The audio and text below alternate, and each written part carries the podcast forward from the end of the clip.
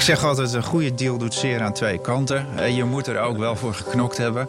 Uh, wil je er allebei blij mee zijn? En dat is een psychologisch dingetje, maar dat is uh, toch iets wat je in elke transactie terugziet. Fijn dat je luistert naar de vijfde aflevering alweer van de podcastserie over overnames. Waarin ik praat met Maarten Wolleswinkel. Hij is oprichter en partner van Oaklins. Overnameadviseur. Je hebt al honderden transacties begeleid in je carrière, Maarten, geloof ik. Ja, meer dan 400. Oké, en uh, dus je hebt alles, alles meegemaakt. En er zijn hele duidelijke uh, patronen en fases in dat hele onderhandelingsproces uh, te onderscheiden. Daar hebben we er nu vier van behandeld in de vorige afleveringen van deze serie. En we zijn nu bij de, bij de closing aangekomen eigenlijk. Hè? Bij, het, uh, bij het sluiten uh, van de deal. En dat is nog een, een fase op zichzelf. Dat is niet alleen een handtekening zetten en uh, elkaar een hand geven. Zeker niet. Hè? Dat is uiteindelijk het ondertekenen van de SPA, zoals wij noemen. Share Purchase Agreement. En bij de notaris het overdragen van de aandelen. Dus ja. ja, dat is eigenlijk het moment waarop het geld op de rekening komt. Ja, oké. We hadden dus hadden al hiervoor een letter of intent. Maar uiteindelijk werk je dan toe naar een share purchase agreement, een aandelenkoop-overeenkomst. Uh, en dat is een nog veel dikker document dan die letter of intent, hè? Ja, ja, ja. Dat kan tientallen, soms wel honderden pagina's beslaan. En de grootste fout van ondernemers is vaak hè, dat ze zich te veel op die prijs concentreren. Dat is maar één alinea, terwijl er materieel andere voorwaarden in staan die veel meer effect kunnen hebben. Ook op uh, bijvoorbeeld uh, je positie ten aanzien van uh, garanties. hoeveel je werkelijk krijgt uitgekeerd en wat eventueel op een geblokkeerde rekening komt te staan en noem maar op. Ja, en dat moet je eigenlijk allemaal afleiden uit die, uit die bijlagen bij deze overeenkomst. Dus het is niet alleen uh, die ene pagina waarop die prijs staat. Ja, het is het hoofddocument, het zijn de bijlagen, maar het is ook uh, ja, eigenlijk de sfeer van het document zelf. Je hebt hele strakke documenten, bijvoorbeeld Amerikaanse kopers of Engelse kopers. Als je naar de Engels-Amerikaanse recht een koopovereenkomst krijgt voorgeschoteld als verkoper, ja, dan is dat over het algemene document wat drie keer zo dik is mm. als eentje naar Europees-Nederlands recht. En dat komt omdat ja, kopers uit die landen ja, contracten schrijven waarbij alles wat niet opgeschreven is eigenlijk niet geregeld is. En in Nederland uh, toetst de rechter totaal anders. Die zegt: Ik kijk naar wat partijen bedoeld hebben met elkaar. Dus ja, dan hoef je in feite ook niet alles uit te schrijven. Ja, maar dit is de, fase waar uiteindelijk naartoe gewerkt is in de achterliggende zes tot uh, twaalf maanden soms. Dus je, je bent al heel lang onderweg uh, samen. Maar eigenlijk is dit pas de fase waarin partijen ook, uh, ook bij elkaar komen. En met elkaar misschien wel in één ruimte uh, ja, lijfelijk onderhandelen over, uh, over de deal. Ja, er wordt uh, een, een, draft, noemen wij dat. Hè? Een, een, een voorstel koopovereenkomst vaak door de koper bij verkoper neergelegd. dat is eigenlijk start van het hele onderhandelingsspel. En ik kan wel zeggen, ja, als de koper hem neerlegt, sta je in feite al 10-0 achter. Waarom? Nou, in zo'n voorstel staan vaak hele uitgebreide garanties die je nooit wil geven. Of je moet een groot deel van de koopsom op een geblokkeerde rekening laten staan om uh, te zorgen dat de garanties ook geclaimd kunnen worden.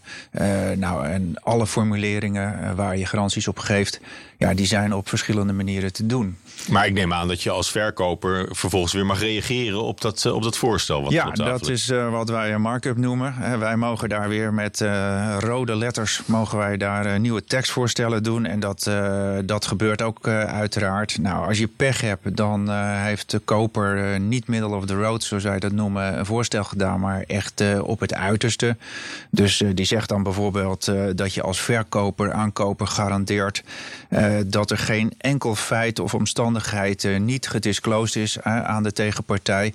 Die had kunnen leiden tot een andere afweging om de deal wel of niet te doen of tegen andere voorwaarden. Nou, dat soort ja, generieke garanties wil je natuurlijk helemaal niet geven. Je wil hoogstens zeggen, ja, de debiteuren op de balans op overnamedatum. die zijn inbaar. En voor zover niet inbaar is de voorziening voldoende. En dat is mijn garantie. En verder gaat die niet. Oké, okay, maar, dat, maar dat is dus eh, echt iets wat je, wat je heel goed moet lezen. En waarschijnlijk ook uh, aan een professional moet overlaten om te lezen. Want je doet het maar één keer, hè? Veel, in veel gevallen. Je bedrijf verkopen. Maar, maar, die, maar die garanties in de, in de SPA, hè, de Share Purchase Agreement daar komt het eigenlijk op aan. Ja, dat is een eh, heel belangrijk onderdeel in dit uh, proces. Je zegt het al, je hebt er veel mensen bij nodig. Maar eigenlijk uh, is het het allerbelangrijkste dat je in deze fase een hele ervaren M&A-jurist hebt. Dus een advocaat die de hele dag niet anders doet dit soort transacties uit te onderhandelen. Uh, en ook die dat Engelstalig kan. In ons vakgebied is uh, overnamecontracten, zelfs tussen Nederlandse partijen onderling, worden ook heel vaak in het Engels gemaakt. Ja, dat hebben we ook wel gemerkt hoor in deze, in deze serie. Dat er heel veel Engels wordt gesproken in de, in de overnamebranche. Maar de gewone advocaat die, die alle, alle zaken deed voor het bedrijf, die is waarschijnlijk niet voldoende toegerust om, om zo'n Nee, dan moet je ook uh, dan moet je veel geluk hebben. Hè. Wij zouden het in theorie als overnameadviseurs ook wel kunnen, maar die laatste 10% die maakt toch echt het verschil. En uh, de koper zit uh, met professionele partijen, de duurste advocaten van de Zuidars. nou, dan weet je, daar kan je niet een provincieadvocaat tegenover zetten die al heel trouw voor het familiebedrijf 20 jaar ontslagzaakjes heeft gedaan en ook zegt dat hij snapt hoe het werkt. Oké, en wat, wat, wat staat er allemaal in die, in die share purchase agreement. Is dat is meer dan in de, in de letter of intent. ja, wat veel meer. Ja. Wat staat er? Of is het allemaal uitgewerkt? Wat er in grote lijnen al uh, in de letter of intent stond? Nou, eigenlijk is het uh, het document wat je opmaakt als uh, alle boekenonderzoeken zijn afgerond. Dus koper heeft een heel goed beeld waar de problemen zitten, als die er al zijn bij het bedrijf. Maar er zijn altijd dingen die je apart moet regelen. Dus dat betekent dat je soms bijvoorbeeld vrijwaringen moet, uh, moet geven hè, voor issues die in het verleden liggen. Een voorbeeldje is bijvoorbeeld dat een, uh, een verkoper. Uh, een aantal zaken fiscaal gedreven heeft afgeschreven. en dat de koper zegt: ja, de kans is vrij groot dat als de Belastingdienst daar nog een keer naar zou kijken, dat je misschien een naheffing krijgt. Nou, die is niet voor mij, die is voor jou, want die is van voor de overnamedatum. Daar wil ik gewoon een vrijwaring voor hebben. Oké, maar, daar, maar daar is wel uit te komen. Ja, eh, dat vind ik eh, persoonlijk een terecht punt. Hè. Als dat uh, inderdaad nog van voor overnamedatum is, dan ontkom je daar eigenlijk niet aan. Maar goed, er zijn veel meer dingen hè, die wat meer fluïde zijn. je hebt bijvoorbeeld een situatie waarbij koper zegt: Ja, ik heb vastgesteld dat je met een van je belangrijkste toeleveranciers eigenlijk geen contract hebt. Maar dat jullie op basis van tientallen jaren ervaring en een mailtje over een prijs eh, zaken doen met elkaar. En ik wil uh, dat uh, je garandeert dat we ook de komende vijf jaar op dezelfde voorwaarden met die leverancier zaken kunnen blijven doen. Nou, wat doe je dan?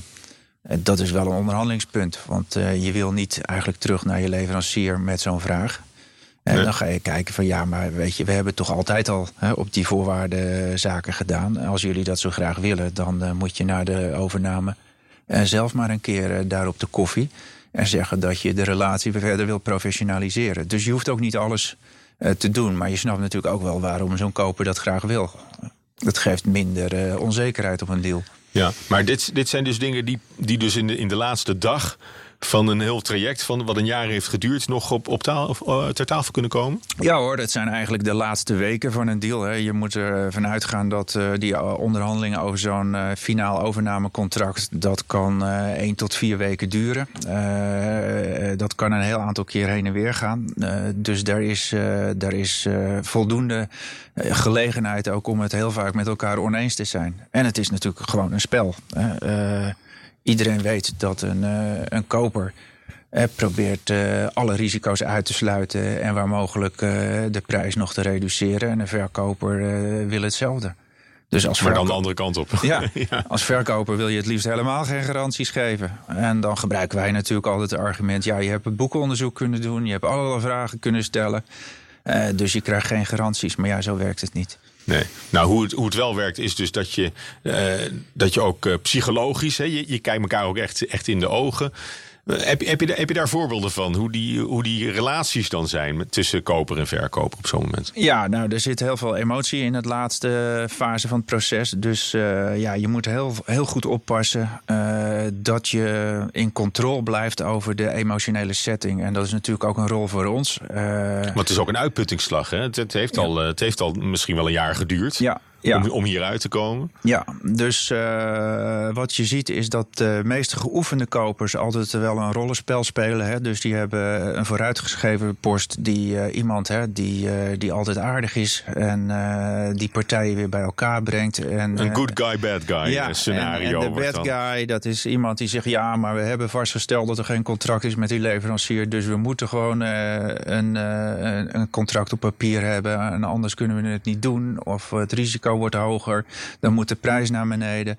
En, en werkt dat nog? Want, want wij hebben het er nu ook over. Van je zal altijd zien, er is een good guy en een bad guy. Maar, maar dat werkt dus. Ja, dat werkt zeker. Uh, en daarom is het ook van belang dat uh, ook verkoper en zich realiseert dat het rollenspel uh, altijd plaatsvindt op een of andere manier. Dus in die finale onderhandeling uh, zie je vaak dat uh, de advocaat van verkoper ook een beetje de bad guy is. Die zegt: Ja, dit kan ik mijn cliënt niet adviseren. Dit is belachelijk. Dit is niet marktconform. Uh, dergelijke clausules heb ik nog nooit voor andere klanten geaccepteerd. En nou, zo, je kan er dat soort argumentatie ingooien. Maar ook gewoon van: Ja, we hebben dit anders geregeld. We hebben een tegenvoorstel.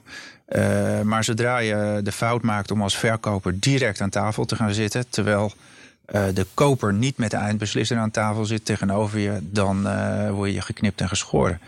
Want dan kan de koper altijd nog terug. Die zegt, nou, we hebben al jouw concessies gehad. We gaan uh, deze deal aanbevelen bij onze bazen. En ja, dan kunnen ze nog terugkomen en zeggen, ja, ze vonden het bijna goed genoeg, maar dan moet je nog wel dit of dat doen. Oké, okay, maar dat, dat, is ook een, dat is ook een troef die je als, als verkopende partij nog in, in je mouw hebt natuurlijk. Ja, klopt. Dat, ik heb het wel eens het oma Ari uh, trucje genoemd. je ziet vaak familie-aandeelhouders die wat meer op afstand zitten. oma Ari die nog aandeelhouder is, maar niet aan tafel. En ja, dat kan je natuurlijk best gebruiken in de onderhandeling. Als je er met elkaar bijna uit, uit bent. Zeggen van nou ja, weet je, dit is waar wij ons hart gaan voor maken binnen de familie. Uh, maar we weten niet zeker of oma Arie daarin meekrijgen. Dus daarmee hou je altijd een fallback positie om uh, de onderhandeling uh, nog één stapje verder te tillen. Oké, okay, nog even een, een, laatste een, soort fallback clausule. Ja, dat, ja. Je, dat je in ieder geval nog even terug kan naar de, naar de keukentafel ja. om, het, uh, om het thuis te bespreken. Zogenaamd dan, want dat, dat, uh, dat gebeurt er misschien helemaal niet in, in het echt meer. Nee, soms gebeurt het niet. Hè. Ik kan me herinneren dat we recent weer met een onderhandeling bezig waren. En uh, ja, wij hadden ons dossier uitstekend voor elkaar. koper wilde heel graag. je moet de koper ook altijd lezen hè, in zo'n onderhandeling. Is die bang dat er nog anderen op de deur staan te kloppen? Uh, dus uiteindelijk deed zij ons een compromisvoorstel wat uh, mega veel beter was uh, als wij hadden gehoopt.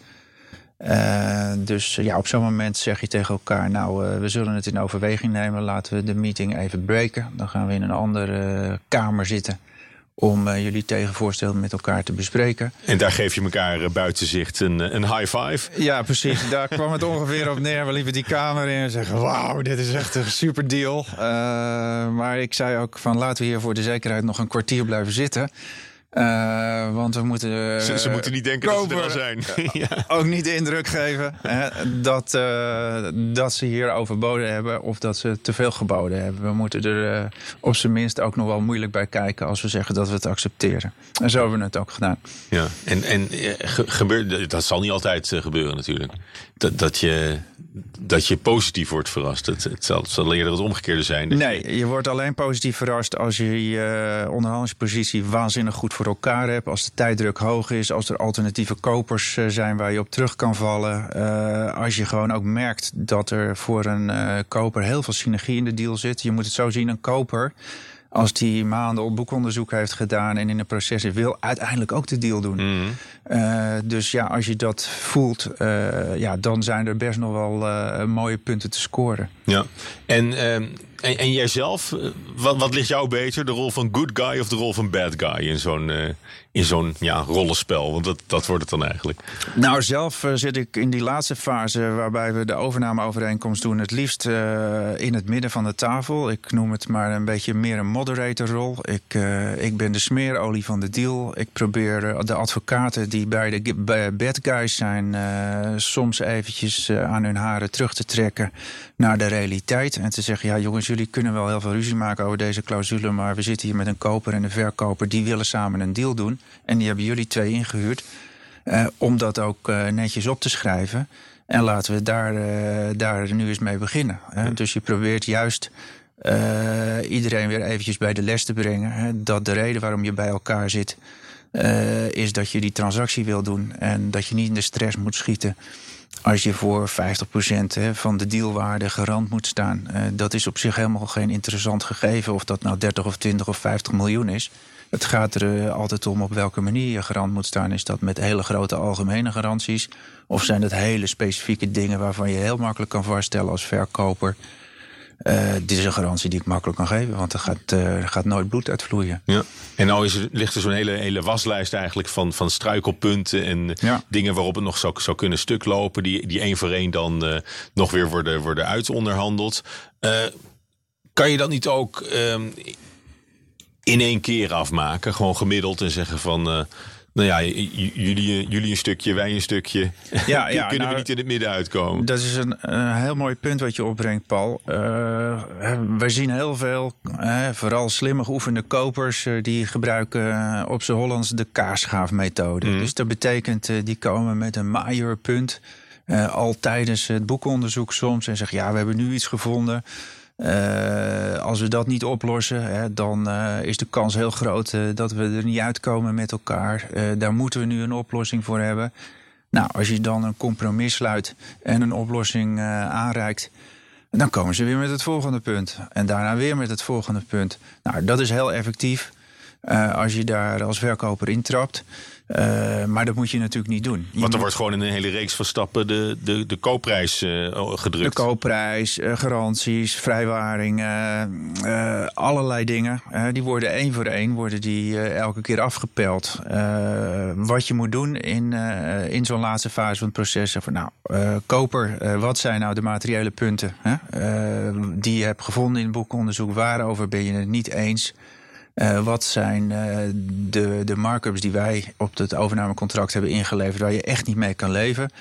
En pas als je alles in beeld hebt, dan ga je met elkaar bepalen: oké, hoe gaan we die uitruilen van uh, belangrijk naar minder belangrijk?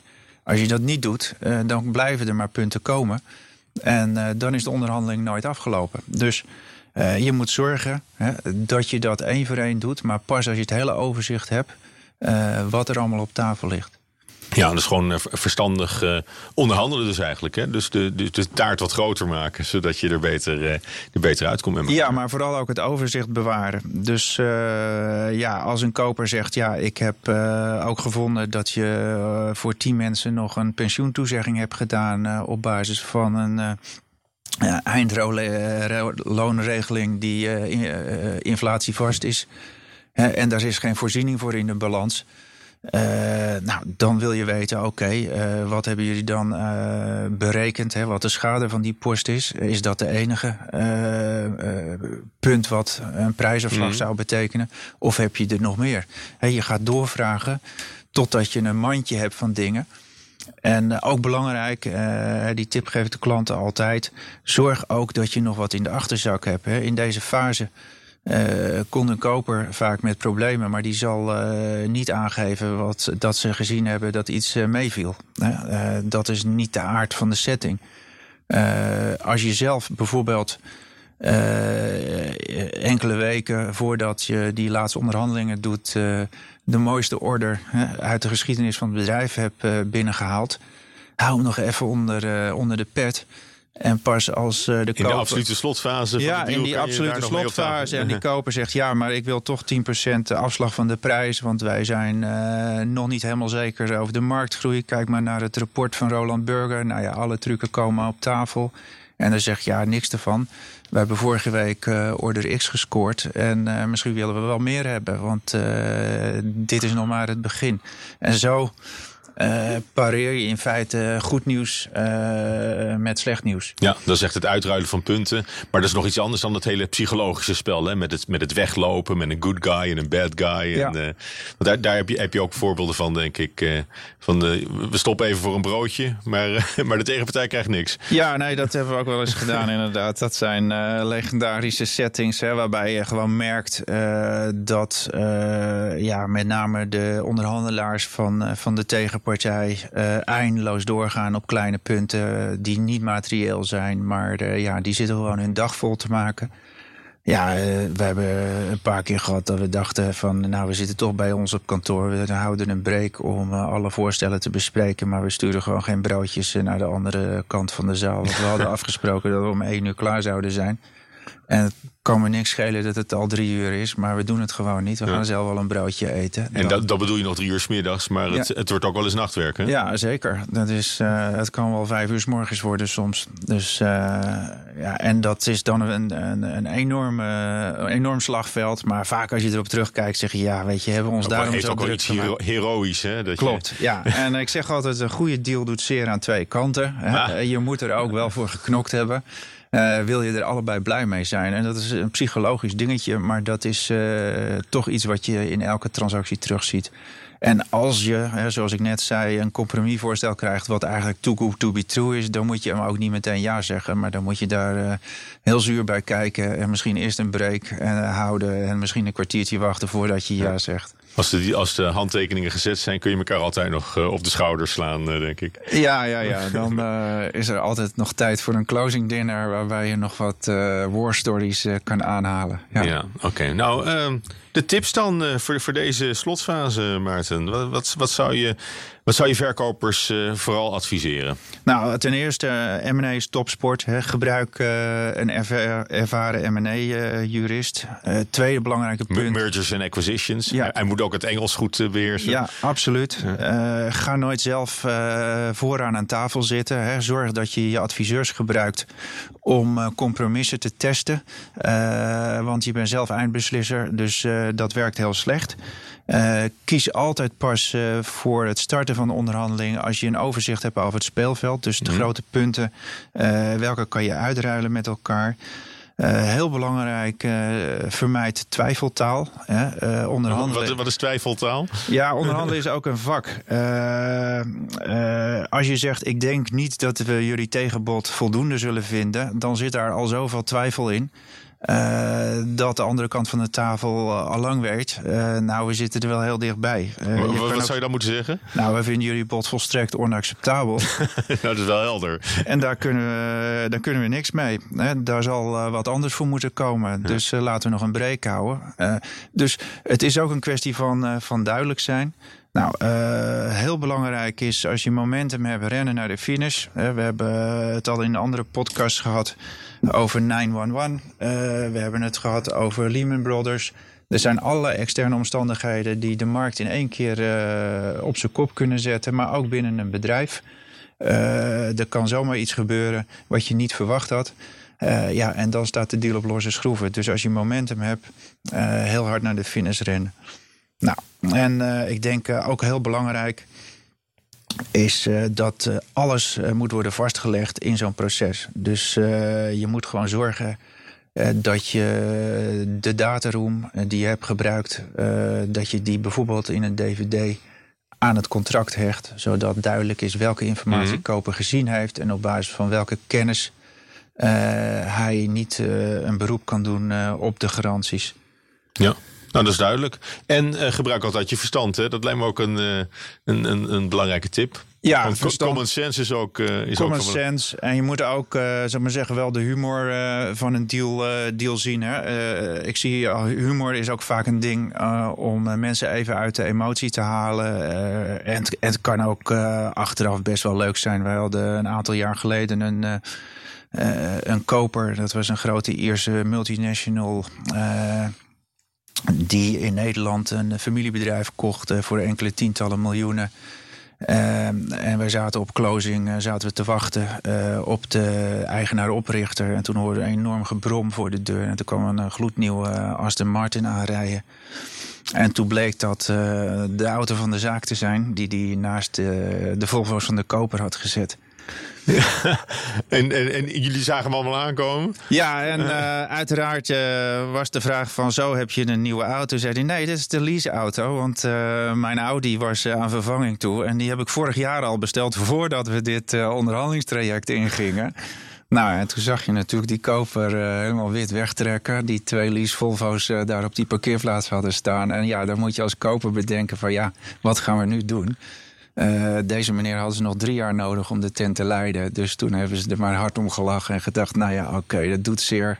Maar uh, die Aston Martin kan er nog wel vanaf. Nou, dat is een mooi, mooi slot, denk ik, van deze, uh, deze aflevering, van deze hele serie. Want het was alweer de laatste editie in de podcastserie over overnames. Waarin we in, in vijf stappen wie hebben meegenomen door het hele proces. En alles wat daarbij komt kijken. Nou, hopelijk zijn we daar een beetje in, in geslaagd. En heb je met plezier geluisterd. Maarten, nog een laatste woord? Ja, ik hoop te voordat wij de champagne ook open ja, ik hoop dat de luisteraars inderdaad wat aan gehad hebben. Dat ze meer overzicht hebben van wat zijn nou die belangrijke momenten in het, in het proces. Maar met name denk ik wat je mee moet nemen als je verkoper of potentieel verkoper bent, is dat M&A een professioneel mainstream proces is waar allemaal partijen bij betrokken zijn tegenwoordig die de hele dag niet anders doen. beginnersfouten zijn verschrikkelijk duur, dus laat je goed bijstaan. Om uh, door dat oerwoud uh, aan kansen en bedreigingen een goede weg te vinden. Dankjewel, Maarten Wolleswinkel, oprichter en partner van Oaklins. Heeft u met plezier geluisterd, dan kunt u misschien ook het boekje downloaden via de site van Oaklins, How to Sell Your Business. En dit was de podcastserie The Real Dealmakers. Die kunt u ook nog altijd terugluisteren via de BNR-app. Dank u wel voor het luisteren. Ik ben Paula Seur.